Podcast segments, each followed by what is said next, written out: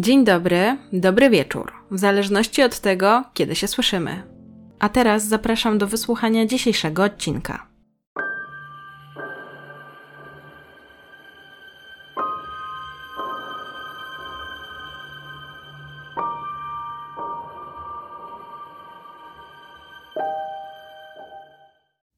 W 2009 roku trzyosobowa rodzina opuszcza dom w dziwnych okolicznościach i znika bez śladu.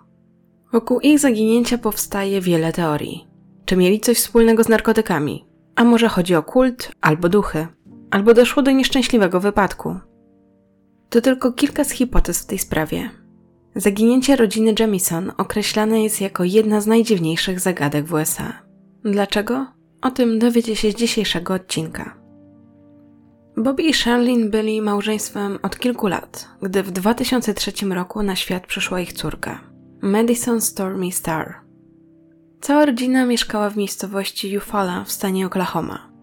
Populacja tego miasta wynosiła około 2600 mieszkańców. Sprawiali wrażenie zwyczajnej amerykańskiej rodziny, choć szybko wyszło, że to pozory. A im bardziej poznajemy ich historię, tym więcej zaskakujących informacji się pojawia. W 2009 roku rodzina Jamisonów składała się z 44-letniego Bobiego, 40-letniej Sherlyn i 6-letniej Madison. Planowali ważne życiowe zmiany, chcieli się przeprowadzić i w tym celu planowali kupić 40-akrową działkę w pobliżu Red Oak w stanie Oklahoma. Działka ta miała znajdować się w bardzo odosobnionym miejscu, dokładnie w górach Sansbois, około 80 km od ich domu. Ogólnie ich marzeniem było to, aby przeprowadzić się w miejsce, gdzie właśnie nie będzie innych ludzi, będą żyli z dala od cywilizacji i będzie bardzo spokojnie. Wstępnie planowali, że postawią tam kontener i w nim właśnie będą żyć. Ten kontener już stał na terenie ich działki w Eufaula, ale uznali, że właśnie go przewiozą i to będzie ich taki dom. Zapewne wynikało to też z ich możliwości finansowych, bo ostatnio nie za dobrze im się wiodło, ale możliwe, że też po prostu chcieli iść w taki minimalizm. I powoli przygotowywali się do spełnienia tego marzenia, a w dniu, w którym pojechali dokonać transakcji, zniknęli bez śladu. Gdy na początku przeglądałam informacje o tej rodzinie, bardzo często znajdowałam taką wzmiankę, że trudno jest znaleźć informacje o nich, że nie wiadomo gdzie pracowali, skąd pochodzili, i choć faktycznie jest wiele takich niedopowiedzeń w tej kwestii, to jednak da się wyciągnąć pewne wnioski. A ich sytuacja w tamtym momencie wyglądała tak, że żadne z nich nie pracowało. Oboje nie byli wtedy w pełnej sprawności. Bobby miał wypadek i miał sporo po nim dolegliwości, brał też sporo leków. A Sherlyn oprócz tego, że miała problemy zdrowotne, zdecydowała się, że po prostu będzie opiekowała się Madison. Jeśli chodzi o to, gdzie Bobby pracował wcześniej, zanim doszło właśnie do wypadku, to z tego co zrozumiałam, pracował na stacji benzynowej, która należała do jego ojca. Niestety między mężczyznami doszło do konfliktu, a relacje między nimi były bardzo napięte. Bobby był opisywany jako spokojny, nie wydawał się agresywny, nikt też nie kojarzył, żeby miał jakieś silne stany wzburzenia. Na pewno po wypadku trochę się zmienił, wycofał, stał bardziej zdenerwowany. Sherlyn z kolei cierpiała na chorobę afektywną dwubiegunową, a w przeszłości chorowała również na depresję. Według jej bliskich bywała zbyt naiwna, za szybko ufała ludziom i brała to, co mówią, za pewnik. Małżeństwo z Bobim nie było jej pierwszym małżeństwem. Wcześniej miała już innego męża i z nim doczekała się syna. Nastoletni Colton mieszkał z matką, jej mężem oraz przyrodnią siostrą przez większość swojego życia.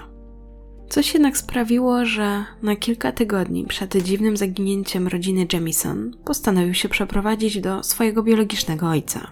Nie znalazłam jednak wyjaśnienia skąd ta decyzja.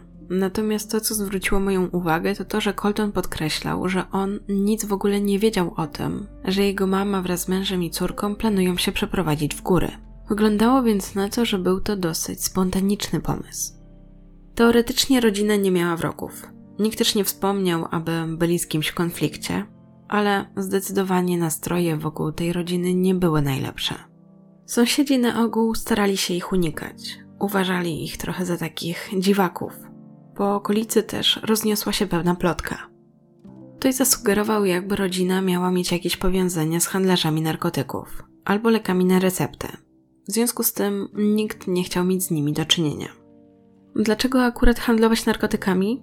Wynikało to z tego, że faktycznie w tych okolicach był taki problem. Okolice ogólnie też tych gór, gdzie planowała się rodzina przeprowadzić, słynęły z tego, że tam produkuje się metamfetaminę. Ale wracając do Jamisonów, to oczywiście były plotki, bo nikt nie miał na to dowodów. Były to takie domysły bardziej. I jak tak przyglądamy się tej rodzinie, to łatwo zauważyć, że byli głównie zdani na siebie. Co prawda pojawi się kilka życzliwych im osób, ale raczej tak na co dzień byli zdani tylko na siebie. Wynikało to też z tego, że Sherlyn miała dosyć kiepski kontakt z rodzicami, choć z tej dwójki raczej lepszy z matką. A z kolei ojciec Bobiego, jak wspomniałam, był z nim w konflikcie. Miał też grozić całej rodzinie, a było to o tyle niepokojące, że zajmował się działalnością przestępczą. Konflikt między mężczyznami był na tyle żywy, że często policja musiała interweniować, a w rezultacie doszło do tego, że w domu założony został monitoring. I to właśnie dzięki temu później możemy obejrzeć słynne nagranie, gdzie widać jak rodzina się pakuje i wyjeżdża. Ale więcej o tym nagraniu opowiem Wam, gdy dojdziemy już do momentu wyjazdu. Choć mówiłam wam, że oficjalnie rodzina nie miała z nikim konfliktu, to ktoś jednak ich nie lubił, miał coś do nich. A Sherlin wierzyła, że to musi być ktoś z sąsiadów. Skąd ten wniosek? Ich koty zostały otrute i to trzykrotnie. Sherlin wpadła wtedy na pewien pomysł, który liczyła, że może jakoś odstraszy tego truciciela. Umieściła więc na ich kontenerze, tym samym, w którym później mieli mieszkać, Napis, który mniej więcej miał mieć taki przekaz, że zabili im już trzy koty, a czarownice tego nie lubią. Jedną z takich bliższych osób dla Sherlin była jej przyjaciółka Nikki i często właśnie kobiety żartowały, że są czarownicami. Gdy nadarzyła się okazja, miały też kupić coś w stylu Biblii szatana albo Biblii satanistycznej. W zależności od źródła różnie jest to nazywane, ale mniej więcej wiadomo o co chodzi. Teoretycznie miały je trzymać w domu dla żartu, ale gdy właśnie dalej poznajemy szczegóły tej historii, to pojawia się pewna wątpliwość, czy faktycznie było to tylko dla żartu. Niki też później potwierdziła, że faktycznie jej przyjaciółka była dosyć łatwowierna. Jeśli chodzi o tę wiadomość na kontenerze, to policja nigdy nie ustaliła, kto ją napisał. I powoli też dochodzimy do bardzo ważnej kwestii, jeżeli chodzi o dom Jamesonów. Otóż cała rodzina wierzyła, że ich dom jest nawiedzony przez duchy. Niki, która później wypowiadała się na temat tej sprawy, mówiła, że nie chce zabrzmieć jak ktoś, kto jest szalony, ale faktycznie, za każdym razem, gdy tam szła, to czuła czyjąś obecność. Wychodziła też z takim uczuciem przygnębienia, jakby smutku, nie potrafiła tego do końca opisać, ale generalnie czuła się dużo gorzej. I też pewna zaskakująca kwestia, bo wspomniała, że Bobby, który na co dzień był według niej dosyć spokojnym, wrażliwym, takim delikatnym mężczyzną, tak nagle jakby wpadał w jakiś trans, jego oczy się zmieniały. Opisała je jako martwe i czarne i zasugerowała, że zachowywał się jakby był opętany. Więc znów wracamy do tej kwestii tej Biblii szatana. Czy to faktycznie był tylko żart, czy może jednak jakiś sposób na poradzenie sobie z tą sytuacją? Bo ona była bardzo trudna dla całej rodziny, bardzo męcząca. W związku z tym szukali praktycznie każdego możliwego rozwiązania, aby sobie z nią poradzić. Sherlin, walcząc z tymi duchami, rozwiesiła w całym domu karteczki o treści Odejdź szatanie. Ale najbardziej stresujące dla nich było to, że duchy przede wszystkim widywała Madison. Jamesonowie mówili, że ich córka wieczorami widuje w swoim pokoju ducha dziewczynki, która kiedyś miała umrzeć w ich domu. Twierdzili również, że nie tylko go widuje, ale także z nim rozmawia. Do tego byli przekonani, że w ich domu słychać jakieś odgłosy. Często były to szepty, kroki, a nawet byli świadkami tego, jak różne przedmioty same z siebie się przesuwały. Ta sytuacja ich przerażała i szukali jej rozwiązania. W związku z tym zwrócili się m.in. do zaprzyjaźnionego pastora, Gary'ego Brandona. Według mężczyzny rodzina nieraz zwracała się do niego o pomoc. Bobby nawet pytał o takie specjalne srebrne kule, dzięki którym mógłby pozbyć się właśnie tych dziwnych zjaw, duchów, demonów w jego domu, bo w zasadzie sam nie wiedział, co to jest. Twierdzili też, że często te duchy miały pojawiać się na dachu. Pastor przekazał później policji, że Bobby powiedział mu, że widział od dwóch do czterech duchów na dachu. Sherlyn miała też indiańskie korzenie i pomyślała, że może wybierze się do archiwum miejskiego, aby sprawdzić, jaka jest historia ich domu. Czy przypadkiem nie został wybudowany na jakimś dawnym miejscu pochówku Indian. Gdy te działania do niczego nie doprowadziły, postanowili jeszcze skonsultować swój problem z badaczem rytuałów indiańskich i osobą zajmującą się magią. Dowiedzieli się wtedy o rytuałach, które miałyby pomóc im nawiązać kontakt z duchami, które pojawiały się w ich domu. Spróbowali i wkrótce przekazali bliskim, że dzięki temu dowiedzieli się, że duchy te mają na imię Emily i Michael, a jeden z nich miał mieć skrzydła jak anioł. Aby pozbyć się duchów, szukali także możliwych rozwiązań w Biblii szatana. Odprawiali tam rytuały, do których instrukcje znaleźli, między innymi używali do tego dzwoneczków i pojawiały się tańce. Później pojawiły się takie podejrzenia, że cała ta sytuacja miała się odbić na psychice Bobiego, który zaczął być coraz bardziej nerwowy, często wzburzony, a momentami nawet agresywny. Co było bardzo zaskakujące, bo do tej pory nigdy taki nie był. Niestety, wszystkie ich próby poradzenia sobie z tym problemem nic nie dawały. A oprócz wymienionych wcześniej problemów, dochodziły też te finansowe. Rodzina w pewnym momencie miała naprawdę duże problemy z utrzymaniem domu, co pewnie też wynikało z tego, że żaden z dorosłych nie pracował. Możliwe też, że zakup tej działki, gdzie w zasadzie mieszkaliby w kontenerze i byli totalnie odcięci od świata, też tam nie mieliby żadnych mediów, był sposobem na poradzenie sobie z tymi kłopotami finansowymi. I warto też zaznaczyć, że zamieszkanie w takim kontenerze to nie jest nic dziwnego w Stanach Zjednoczonych, że są już w zasadzie całe społeczności, które tak mieszkają. Sama kiedyś oglądałam program, w którym właśnie ktoś na bazie właściwie takiego kontenera budował swój dom. On go oczywiście trochę przerabiał, ale ten kontener był tym głównym stelażem. Jeśli jeszcze chodzi o tą przeprowadzkę i Madison, to ważne jest to, że ona została wypisana ze szkoły po tym jak wybiła sobie przednie zęby, a następnie rodzice zdecydowali, że będzie uczyła się w domu, czyli będzie miała takie nauczanie domowe. Zatem faktycznie wyglądało to tak, że szykują się pod tą wyprowadzkę w odosobnione miejsce i nie będzie już żadnych przeszkód. I jest jeszcze jedna dosyć interesująca kwestia. Otóż przez pewien czas z rodziną mieszkał współlokator. Człowiek ten został przedstawiony jako KP, nie ujawniono jego danych. Miał też należeć do ugrupowania o cechach neonazistowskich, co bardzo niepokoiło Sherlin, bo jak już wcześniej wspomniałam, miała indyjskie pochodzenie. Między nimi nie układało się zbyt dobrze, więc w końcu Sherlin uznała, że ten mężczyzna nie będzie już mieszkał w ich domu. Pewnego dnia wzięła pistolet i po prostu go pogoniła. Od tego czasu zawsze przy sobie miała już broń. I jak tak na to spojrzymy, no to faktycznie rodzina miała kilka powodów, aby się przeprowadzić. Między innymi to, że w tym domu się źle czuli, że Sherlin się bała swoje bezpieczeństwo, że sąsiedzi nie byli do nich przyjaźnie nastawieni. I ogólnie i tak byli tam tylko zdani na siebie, więc uznali, że ta przeprowadzka to będzie czymś takim kluczowym w ich życiu. 8 października 2009 roku uznali, że czas pojechać na oglądaną działkę i dokonać transakcji. Jak już wspomniałam, był to wyjazd, z którego nigdy nie wrócili. W dniu zaginięcia Bobby miał 1,80 m wzrostu. Miał silne bóle kręgosłupa, prawdopodobnie w wyniku wypadku samochodowego, którego jakiś czas temu doświadczał. Ówczesny szeryf powiedział też, że nie było żadnych oznak, aby ta para miała jakieś kłopoty albo chciała rozpocząć nowe życie. Dlaczego więc zniknęli? W podróż ruszyli ze swoim psem. Zakup działki był już praktycznie dogadany.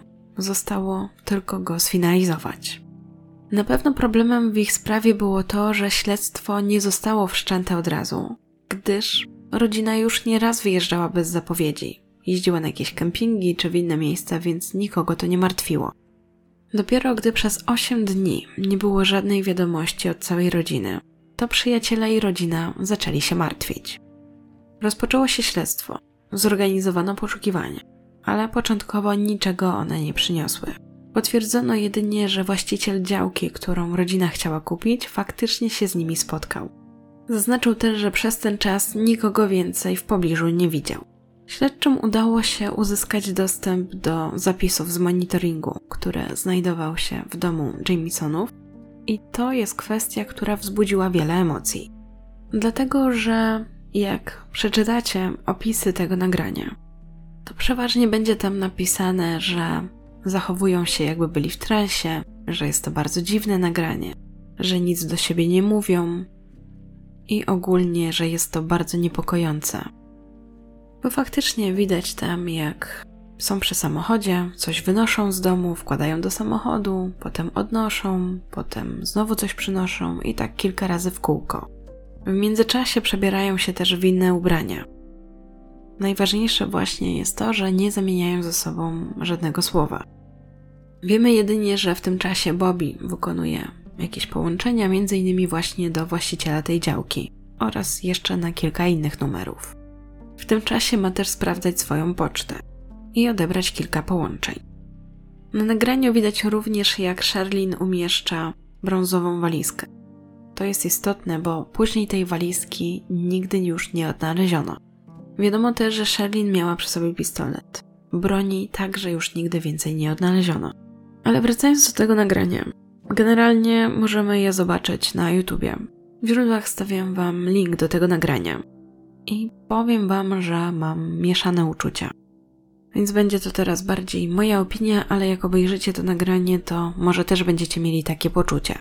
Więc jeśli chodzi o moje zdanie, to na tym nagraniu nie widać zbyt dobrze, co się dzieje. Jest dosyć kiepskiej jakości. Niezbyt wyraźnie widać twarze. W ogóle wszystko jest dla mnie mało szczegółowe. Oczywiście może policja dysponowała lepszym nagraniem. I faktycznie widać, jak się poruszają, widać, że coś tam noszą, ale tych wszystkich szczegółów, które Wam opisałam, które znalazłam właśnie w różnych źródłach, to ja osobiście ich na filmie nie widzę. Zatem pewnie to nie jest całe nagranie, ale to, które Wam wrzuciłam w źródłach, to jest takie poklatkowe, w sensie widać po jednej klatce, to nie jest ciągłe nagranie, tylko tak jakby ta kamera rejestrowała co którąś klatkę. Nie wiem, czy poprawnie to wytłumaczyłam, ale myślę, że zrozumiecie o co chodzi. Dlatego też nie wiem, czy to jest kwestia transu, czy może po prostu tego, że ta rodzina jest już zmęczona, że jeszcze się właśnie muszą przeprowadzić, wszystko spakować, przewieźć te wszystkie formalności. Do tego, jak wspomniałam, mają wiele problemów, martwią się, tak, są te problemy finansowe, są problemy rodzinne. Dochodzą też te wątki, gdy boją się o swoje życie, czy to jeśli chodzi o ojca Bobiego, czy o tego współlokatora. Zobaczcie to nagranie i dajcie znać, jak wy je interpretujecie. Może ja po prostu czegoś nie dostrzegam, albo inaczej na to patrzę. Jestem ciekawa waszego zdania. W trakcie śledztwa rozpatrywanych jest wiele wątków. Między innymi są sprawdzane powiązania z satanistami, co oczywiście wynika z tego, że w ich domu odnaleziona zostaje ta Biblia Szatana. Najwięcej w tej kwestii tłumaczy Niki, przyjaciółka Sherlin, właśnie sugerując, że to były żarty, że to nie miało znaczenia. Ale też wiemy, że do tej Biblii sięgnęli m.in. po to, aby rozprawić się z duchami. I Niki też wspomina o jednej zaskakującej kwestii. Twierdzi, że skontaktowała się z nią kobieta, która chciała pozostać anonimową i przekazała jej, że Sherlin miała być zaangażowana w kult zwany Zjednoczonymi Białymi Rycerzami, który groził, że ją zabije. I generalnie jak wpiszemy w wyszukiwarkę tę nazwę, to, to nie znajdujemy żadnego odnośnika do dokładnie tej nazwy, ale jak już się skupimy na Białych Rycerzach, to okazuje się, że jest to organizacja składowa Ku Klux Klanu, która działa właśnie na terenach Stanów Zjednoczonych. I oczywiście raczej chronią swojej tożsamości, nie biorą udziału w jakichś demonstracjach i nie ujawniają o sobie żadnych informacji. Ale z tego, co czytamy na Wikipedii, to biali rycerze byli odpowiedzialni właśnie za wiele zamachów bombowych, podpaleń kościołów, pobić i morderstw.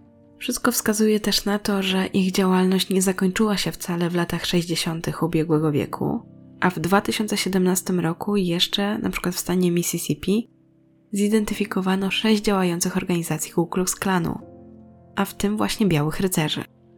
Tutaj możemy tylko gdybać, ale może na przykład ten współlokator miał z nimi jakieś powiązania. I stąd właśnie pojawiła się ta informacja, że Sherlin była na ich celowniku. Kolejną kwestią były problemy zdrowotne zarówno Bobiego, jak i Sherlin. Wiemy, że kobieta cierpiała na chorobę afektywną dwubiegunową, a z kolei stan zdrowia Bobiego również się pogorszył, zwłaszcza ten psychiczny.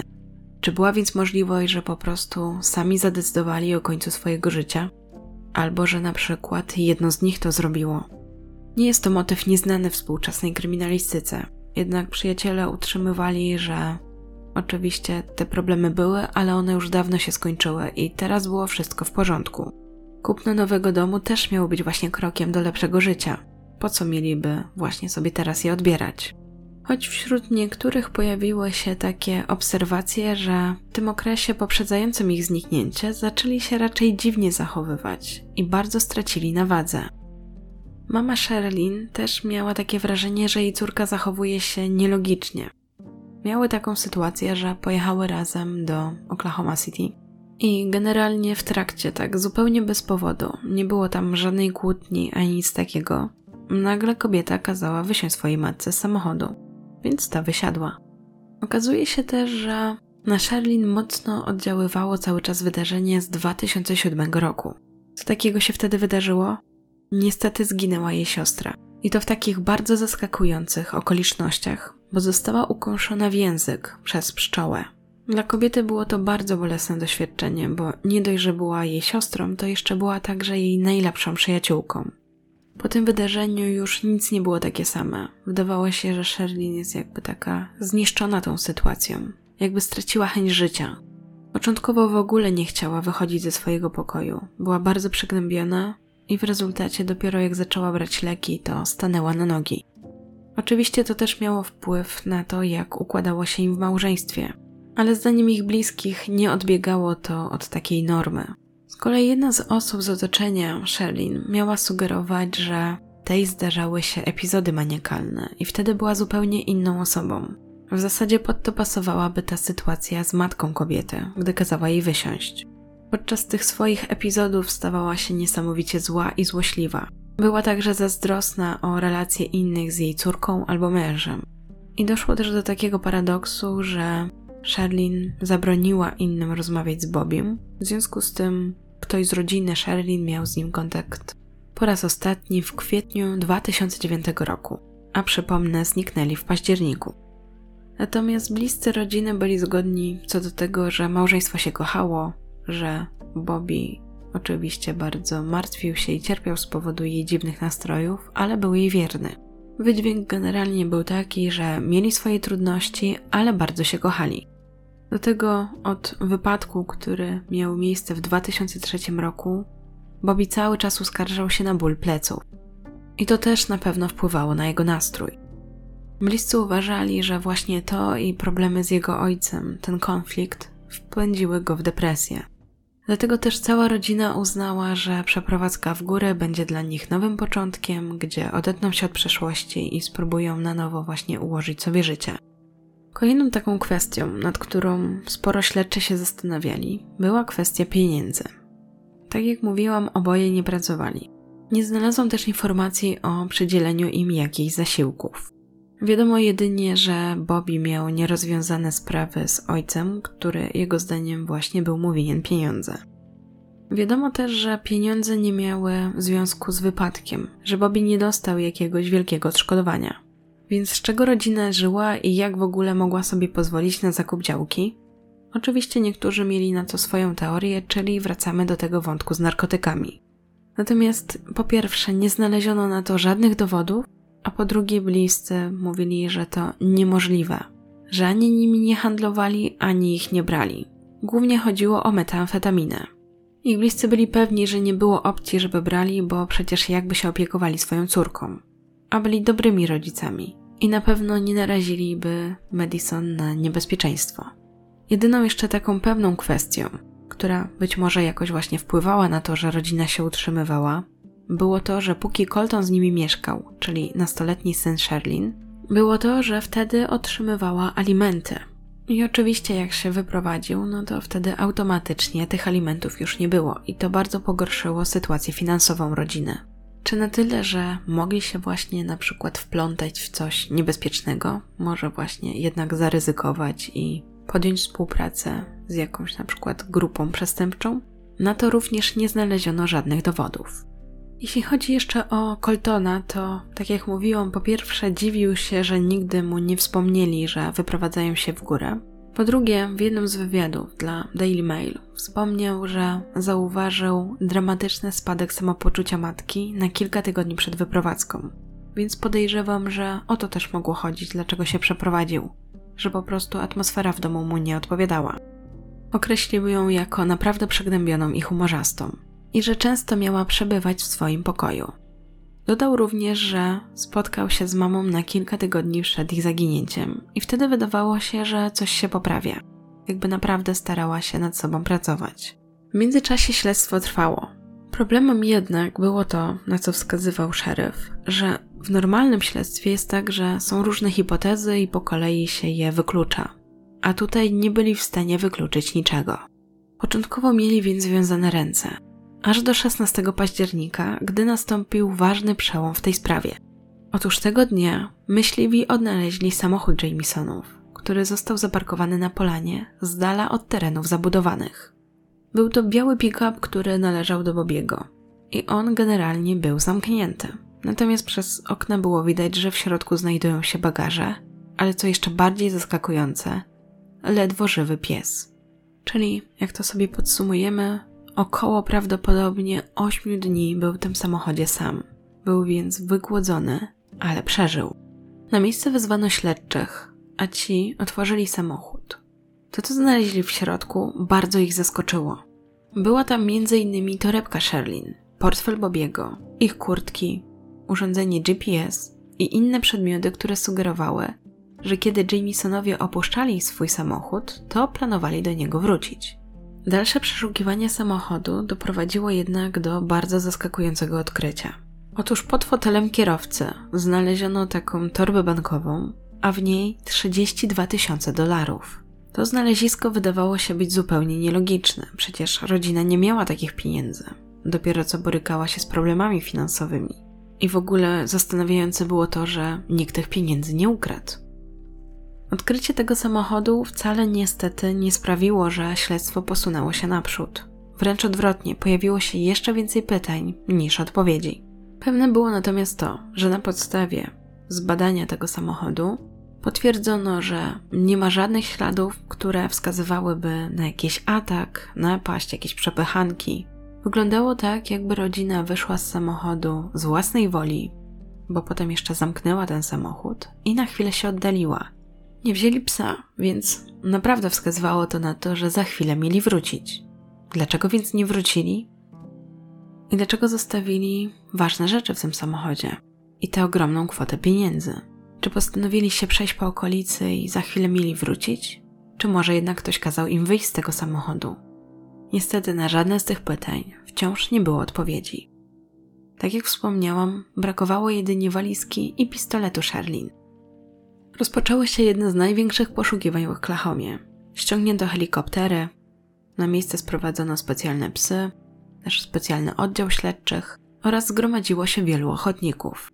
Zastanawiające było to, że te psy nie były w stanie złapać tropu. Również wokół samochodu, tak jakby Jamesonowie w ogóle z niego nie wyszli.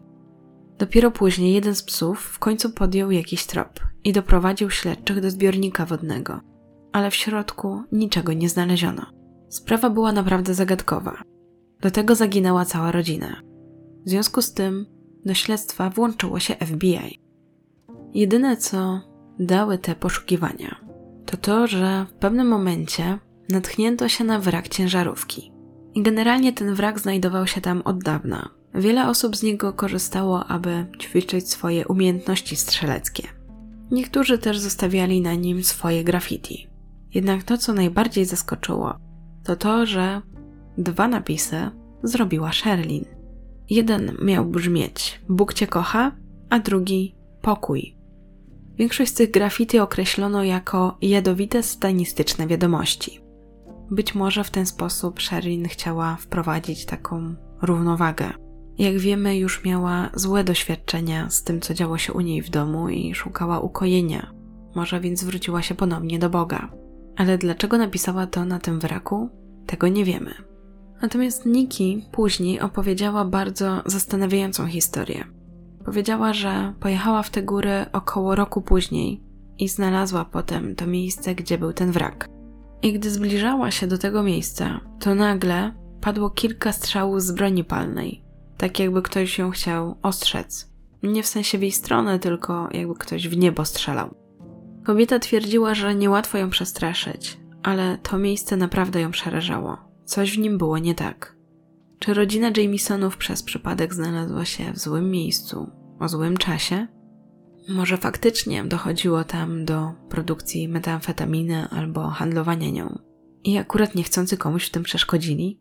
Na razie jednak wciąż były to tylko domysły, a po rodzinie nie było śladu. Poszukiwaniach, które miały miejsce 17 października, wzięło udział ponad 300 wolontariuszy i dziesiątki funkcjonariuszy organów ścigania. Choć śledczy podejrzewali, że mogło tu dojść do jakiegoś przestępstwa, to wciąż nie było na to dowodów. Przez kolejnych 8 miesięcy cały czas próbowano się dowiedzieć, co przydarzyło się Jamisonom. Niestety, żadnych odpowiedzi nie znaleziono. Gdy przeszukano dokładnie auto Bobiego, znaleziono tam jeszcze jego telefon. A w nim w galerii ostatnie zdjęcie, które zrobiono, czyli jego córce Madison. I wydaje się, że było to zdjęcie zrobione w górach w dniu zaginięcia. Natomiast jeżeli chodzi o to zdjęcie, to znów pojawia się masa spekulacji. Madison ma na nim dziwną minę. Ma założone ręce, nie uśmiecha się, wygląda jakby się trochę może złościła. Jeśli chodzi o moje wrażenie, to wygląda jakby tak się na coś uparła, albo właśnie złościła, że ona dalej nie idzie, albo że ona czegoś nie zrobi. Taki bunt dziecka. Tak to ja widzę. Do tego wypadły jej też już mleczaki, więc ten uśmiech nie jest pełny. Natomiast w internecie możemy wyczytać, że to zdjęcie jest znaczące, że Madison wydaje się odwracać wzrok, że coś się niedobrego dzieje. Zwłaszcza, że matka Sherlin upierała się, iż jej wnuczka uwielbiała sobie robić zdjęcia i że niemożliwe, żeby tak bez powodu pozowała. Natomiast do niczego oczywiście to zdjęcie nie doprowadziło.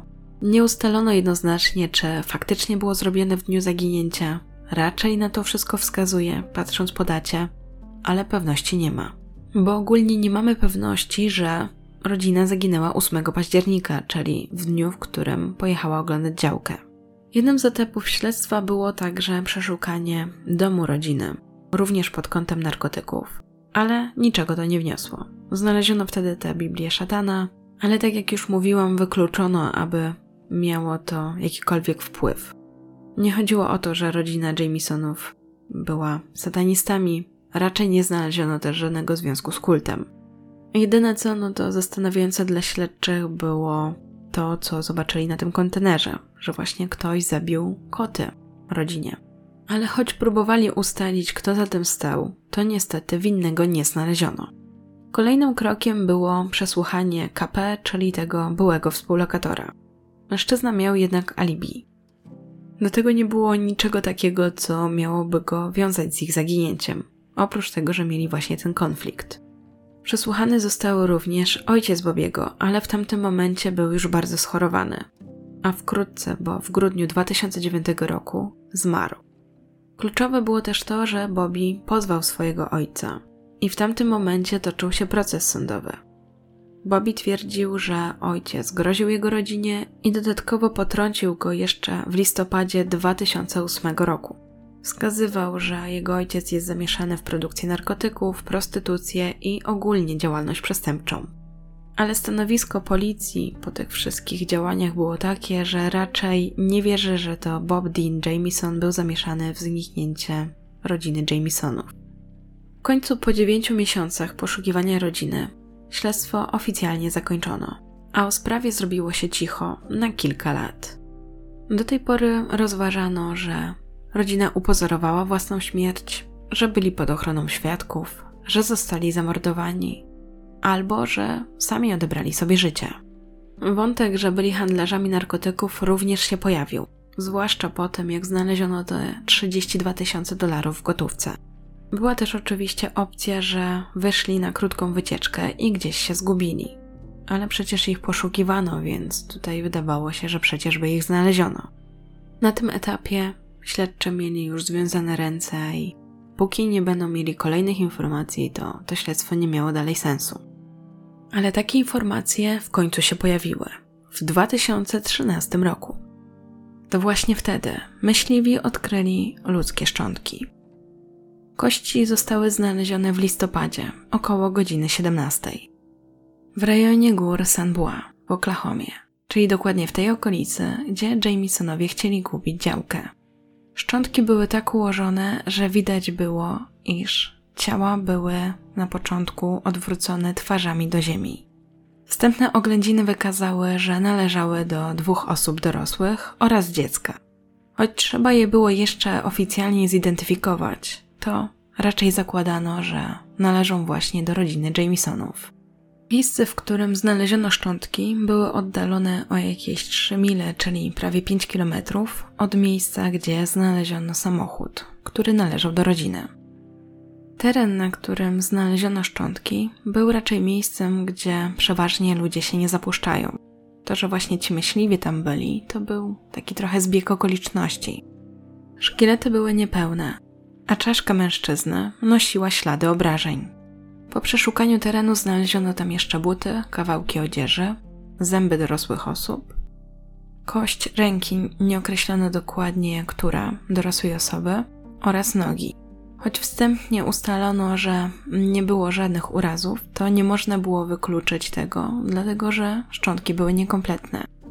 Wiadomo też było, że należą do dwóch dorosłych osób i jednego dziecka. To zostało potwierdzone. Teraz trzeba było przeprowadzić badania genetyczne, które dałyby właśnie jednoznaczne odpowiedzi. A te odpowiedzi przyszły dopiero 3 lipca 2014 roku i faktycznie potwierdzono, że szczątki należały do Jamesonów. Przyczyna zgonu została określona jako nieokreślona ze względu na stan, w jakim znaleziono szczątki. Wskazano także, że zaobserwowano pośmiertne ślady od zwierząt, w sensie od jakichś ugryzień prawdopodobnie.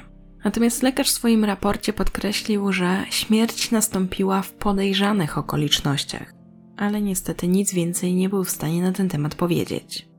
Podobnie nie pojawiła się żadna wypowiedź odnośnie czaszki Bobiego. Skąd ten uraz? Czy właśnie był to jakiś uraz, który spowodowała inna osoba, czy może jakiś wypadek? Tego też nie ustalono. I teraz, mając te nowe i w zasadzie ostatnie informacje w tej sprawie, rozważymy teorie, jakie pojawiły się po tym ostatnim odkryciu. Pierwszą teorią, jaka się pojawiła, było to, że doszło do jakiegoś epizodu maniakalnego, jakiejś psychozy u Charlene i że to ona właśnie jest odpowiedzialna za śmierć swojego męża i dziecka, a na końcu swoją. Tutaj za wiele nie mogę się wypowiedzieć, nie mogę Wam przytoczyć zbyt wielu informacji oprócz tego, co już było, czyli że bliscy zaobserwowali, że coś jest nie tak. Z drugiej strony mamy słowa syna Sherlin, który mówił, że wydawało się, że jest coraz lepiej. Jednak też bliscy nigdy nie mówili, że Sherlin była agresywna, że jak już, no to właśnie była jakaś niemiła, jakaś zła i tyle w zasadzie. Czy nagle w takim momencie, gdy byli już o krok od przeprowadzki, doszłoby właśnie do takiej sytuacji? I dlaczego wtedy wszyscy leżeliby twarzą do ziemi? No, też tego nie wiemy w zasadzie. I też nie mamy przyczyny śmierci, więc nie wiemy, w jaki sposób mogłaby zabić ich kobieta. Nasuwa się oczywiście jej pistolet, ale przypominam, że do dzisiaj go nie znaleziono. A przecież teren wokół przeszukano. Kolejną teorią jest morderstwo przez inną osobę. I tutaj najczęściej pojawia się wątek gangów narkotykowych, ewentualnie jakiejś sekty religijnej, jakiegoś kultu właśnie, lub ewentualnie pojedynczej osoby, psychopaty czy wroga rodziny. I tu w tej kwestii pojawia się wątek obaw Sherlin o to, że miała właśnie pochodzenie indiańskie i że osoby, które mają z tym problem, które są zwolennikami, jak to określają, tylko białej rasy, chcieliby właśnie zrobić jej krzywdę. W tej sytuacji nasuwa się tutaj też właśnie ten współlokator, który ją obrażał, który właśnie okazał się rasistą i którego kobieta pogoniła z domu bronią. czy aż tak mogło go to zdenerwować, że chciał się odpłacić. Tylko znów przypomnę, że policja przepytała tego mężczyznę i on miał alibi oraz nie znaleziono żadnych powiązań. I ogólnie przy tej teorii właśnie upiera się rodzina Sherlin, zwłaszcza jej matka. Uważa, że to musiało być morderstwo. Nie wierzę, że to był nieszczęśliwy wypadek, właśnie, że się zgubili w lesie czy coś w tym stylu. Jest przekonana, że doszło do morderstwa. Zwłaszcza, że podobno w tych górach miały się ukrywać osoby związane z różną działalnością przestępczą.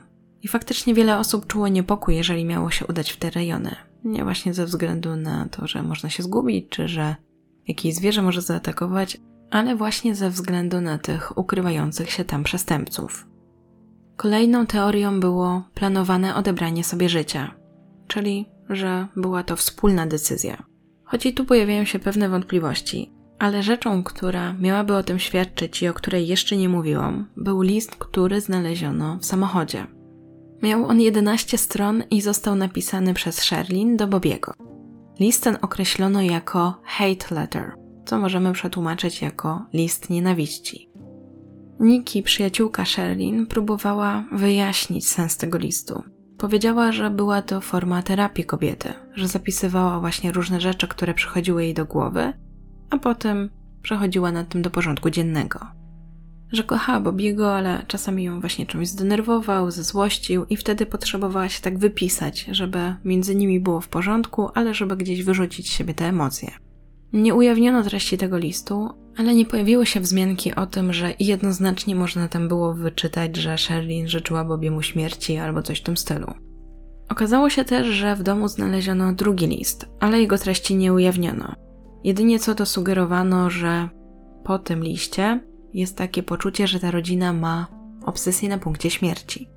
Nie do końca rozumiem, co to może znaczyć, w sensie, czy chodzi o ich śmierć, że boją się swojej śmierci, czy może właśnie chodzi o to, że boją się duchów i tego, że coś im się może przydarzyć? Czy to jest coś związanego z tą Biblią szatana, czy może jeszcze coś innego? Tutaj pozostaje nam tylko się domyślać. W tym wątku, że sami odebrali sobie życie, jest też to, że niektórzy wskazują, że w różnych okresach oboje dorosłych cierpiało na depresję. I że wydawało się, że problem się tylko nasilił po tym, jak doszło do tragicznej śmierci siostry Sherlin. Kwestii jeszcze tego urazu czaszki Bobiego zastanawiano się, czy uraz ten nie został spowodowany kulą. Ale jak mówiłam, lekarz nie był w stanie jednoznacznie określić, co spowodowało taką właśnie dziurę. Zwłaszcza, że w przypadku ani szczątków jego żony, ani córki takiego śladu nie znaleziono, tak jak i broni.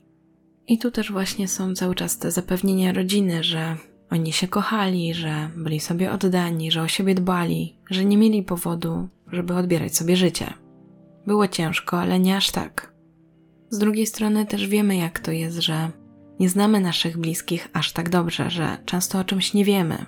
Zdecydowanie coś tam w tej rodzinie się działo, do tego doszedł ten stres w związku z tym, że wierzyli, że mają w domu duchy i to bardzo ich męczyło.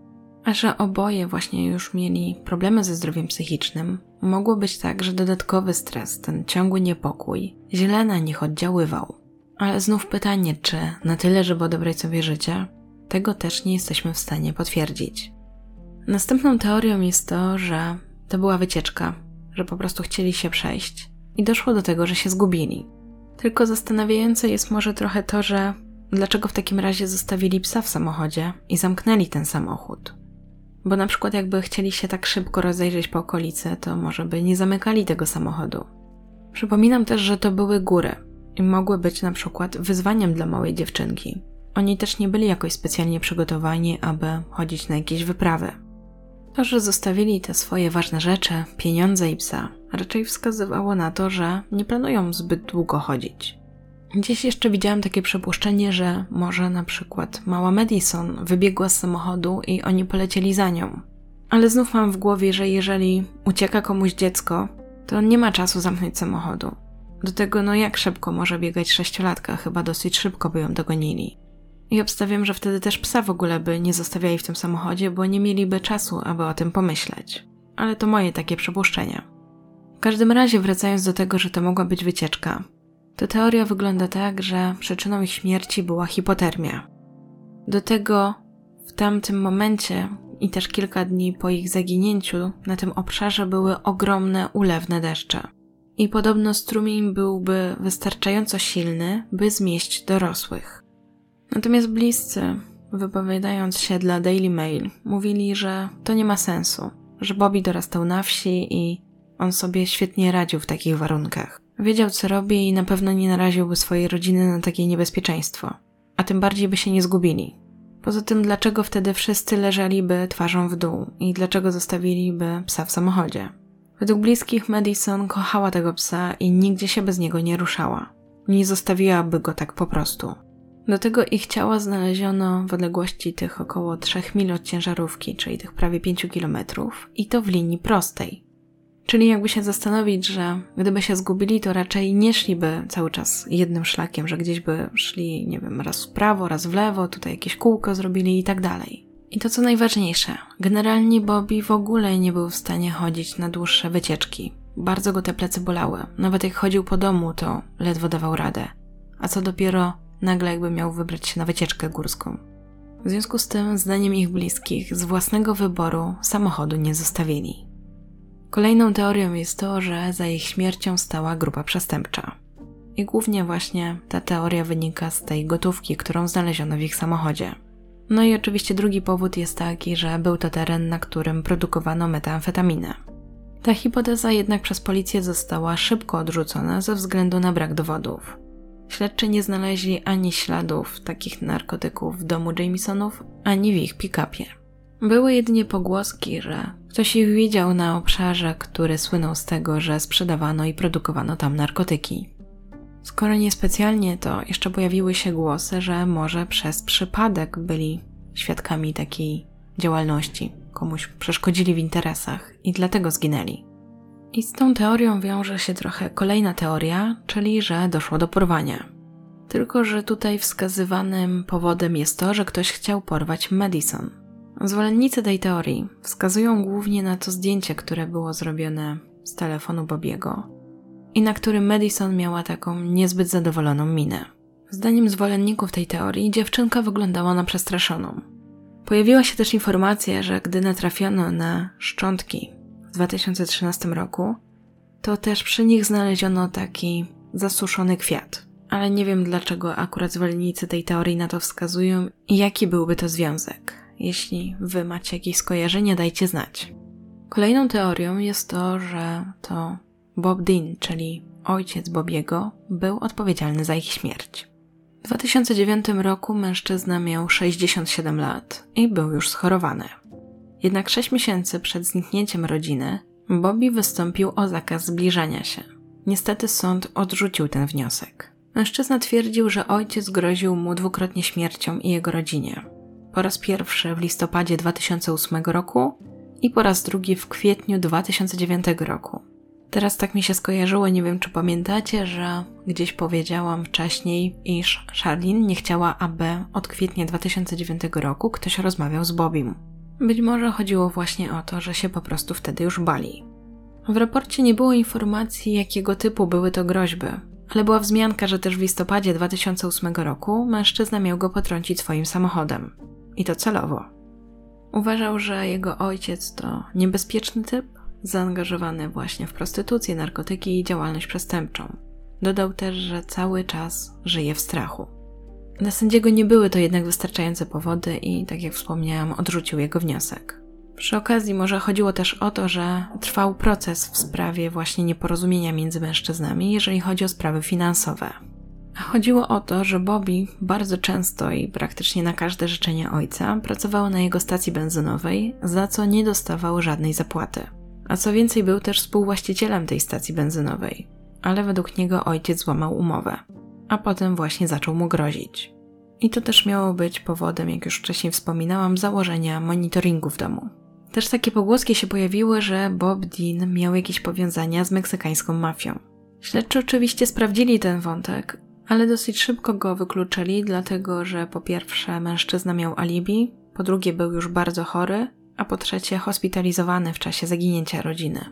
Wydano też oświadczenie, że mężczyzna nigdy nie był uważany za poważnego podejrzanego ani przesłuchiwany jakoś tak bardziej szczegółowo. A po odkryciu szczątków już oczywiście nie było takiej możliwości, bo przypomnę, zmarł w grudniu 2009 roku. Pojawiły się też teorie o podłożu paranormalnym. Tej kwestii mamy duchy, czarownice, ale w zasadzie niczego konkretnego. Mamy też kwestię kultu. W trakcie śledztwa nie wykazano, aby rodzina miała jakiekolwiek powiązania z jakąkolwiek sektą, czy właśnie kultem, czy tego typu organizacją. Ale pojawiły się te wzmianki, że rodzina mogła być właśnie na liście jednej z sekt, aby pozbawić ich życia. Do tej grupy jeszcze takich teorii, powiedzmy, mniej popularnych, należy teoria, którą znalazłam na Mysterious Universe, gdzie autor wskazuje, że chodzi o 35 stopień szerokości geograficznej, lub jak niektórzy to nazywają, linię tragedii. O co chodzi? Według autora na 35 stopniu szerokości geograficznej miały miejsce różne brutalne morderstwa. Między innymi chodziło o sprawę Andrei P. Kennedy Yates, która pochodziła z Houston, cierpiała na depresję poporodową i psychozę, a potem zamordowała piątkę swoich dzieci. Był też przypadek pastora Karola Danielsa, którego okaleczone zwłoki znaleziono w kościele obok ołtarzu, a morderstwo to uważano za powiązane z działalnością satanistyczną. Autor wskazuje jeszcze na kilka przypadków, a następnie na to, że właśnie Jamisonowie zaginęli na 35 stopniu szerokości geograficznej. Do tego wskazuje jeszcze na inne okoliczności, ale mam takie poczucie, że jest to trochę naciągana teoria jednak. I jeszcze chciałam Wam zwrócić uwagę na pewien komentarz, który znalazłam na Reddicie i został dodany 3 miesiące temu, a dodał go użytkownik Appropriate Bet 93. I generalnie dlatego chciałam zwrócić uwagę na ten komentarz, bo częściowo się z nim zgadzam, w sensie jest bardzo dla mnie logiczny. Autor wskazuje, że te pieniądze, które mieli w swoim pojeździe, to raczej były na zakup ziemi, w końcu po to tam pojechali. A to, że je znaleziono, no to oczywiście świadczy o tym, że nikt ich nie zabrał, ale też, że nikt ich prawdopodobnie nie szukał, czyli może nawet nie wiedział, że mają takie pieniądze. Autor wskazuje też na to, że jego zdaniem Nagranie z monitoringu nie świadczy o tym, że byli w transie, bo na przykład brali metamfetaminę, a że na pewno nie można wyciągnąć takiego wniosku tylko na podstawie tego nagrania. Podkreśla również, że w USA jest wiele kościołów, w których ludzie wierzą, że mogą komunikować się ze zmarłymi. I zdaniem właśnie autora, raczej by trzeba się przyjrzeć tutaj tej grupie, która nie tolerowała osób spoza białej rasy. I znów jakby wracamy do tego współlokatora, wiemy, że miał alibi, ale w zasadzie nie wiemy jakie. Czy mogło być tak, że ktoś właśnie ich tam jakoś zaczepił, zaatakował, kazał wysiąść z samochodu, a potem maszerować przed siebie, właśnie na przykład trzymając ich na muszce? Bo jednak motyw, że chodzi o narkotyki, wydaje się mało prawdopodobny w takich okolicznościach, że te pieniądze tam zostały, że nikt tego samochodu też nie przeszukał. Jednak zagadką wciąż pozostaje to, co się stało z bronią, skąd w ogóle te pieniądze mieli, skoro mieli takie problemy finansowe. I też właściwie nie znalazłam potwierdzenia, czyli obstawiam, że tak się nie stało, a mianowicie tego, że do tej transakcji raczej nie doszło, jeżeli chodzi o zakup tej działki. I dlaczego to też nie wiem.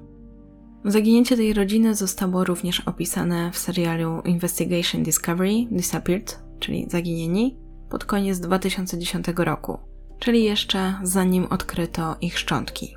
Szeryf, który prowadził tę zmianę, zrezygnował ze stanowiska w 2011 roku. Twierdził, że nie był w stanie znieść poczucia winy, że nie mógł znaleźć małej Madison. Według informacji w mediach miał wyjechać za granicę i tam pracować. Nowy szeryf potwierdził, że śledztwo w tej sprawie nie jest prowadzone, nie ma żadnych nowych tropów. W związku z tym ta śmierć nie została wyjaśniona.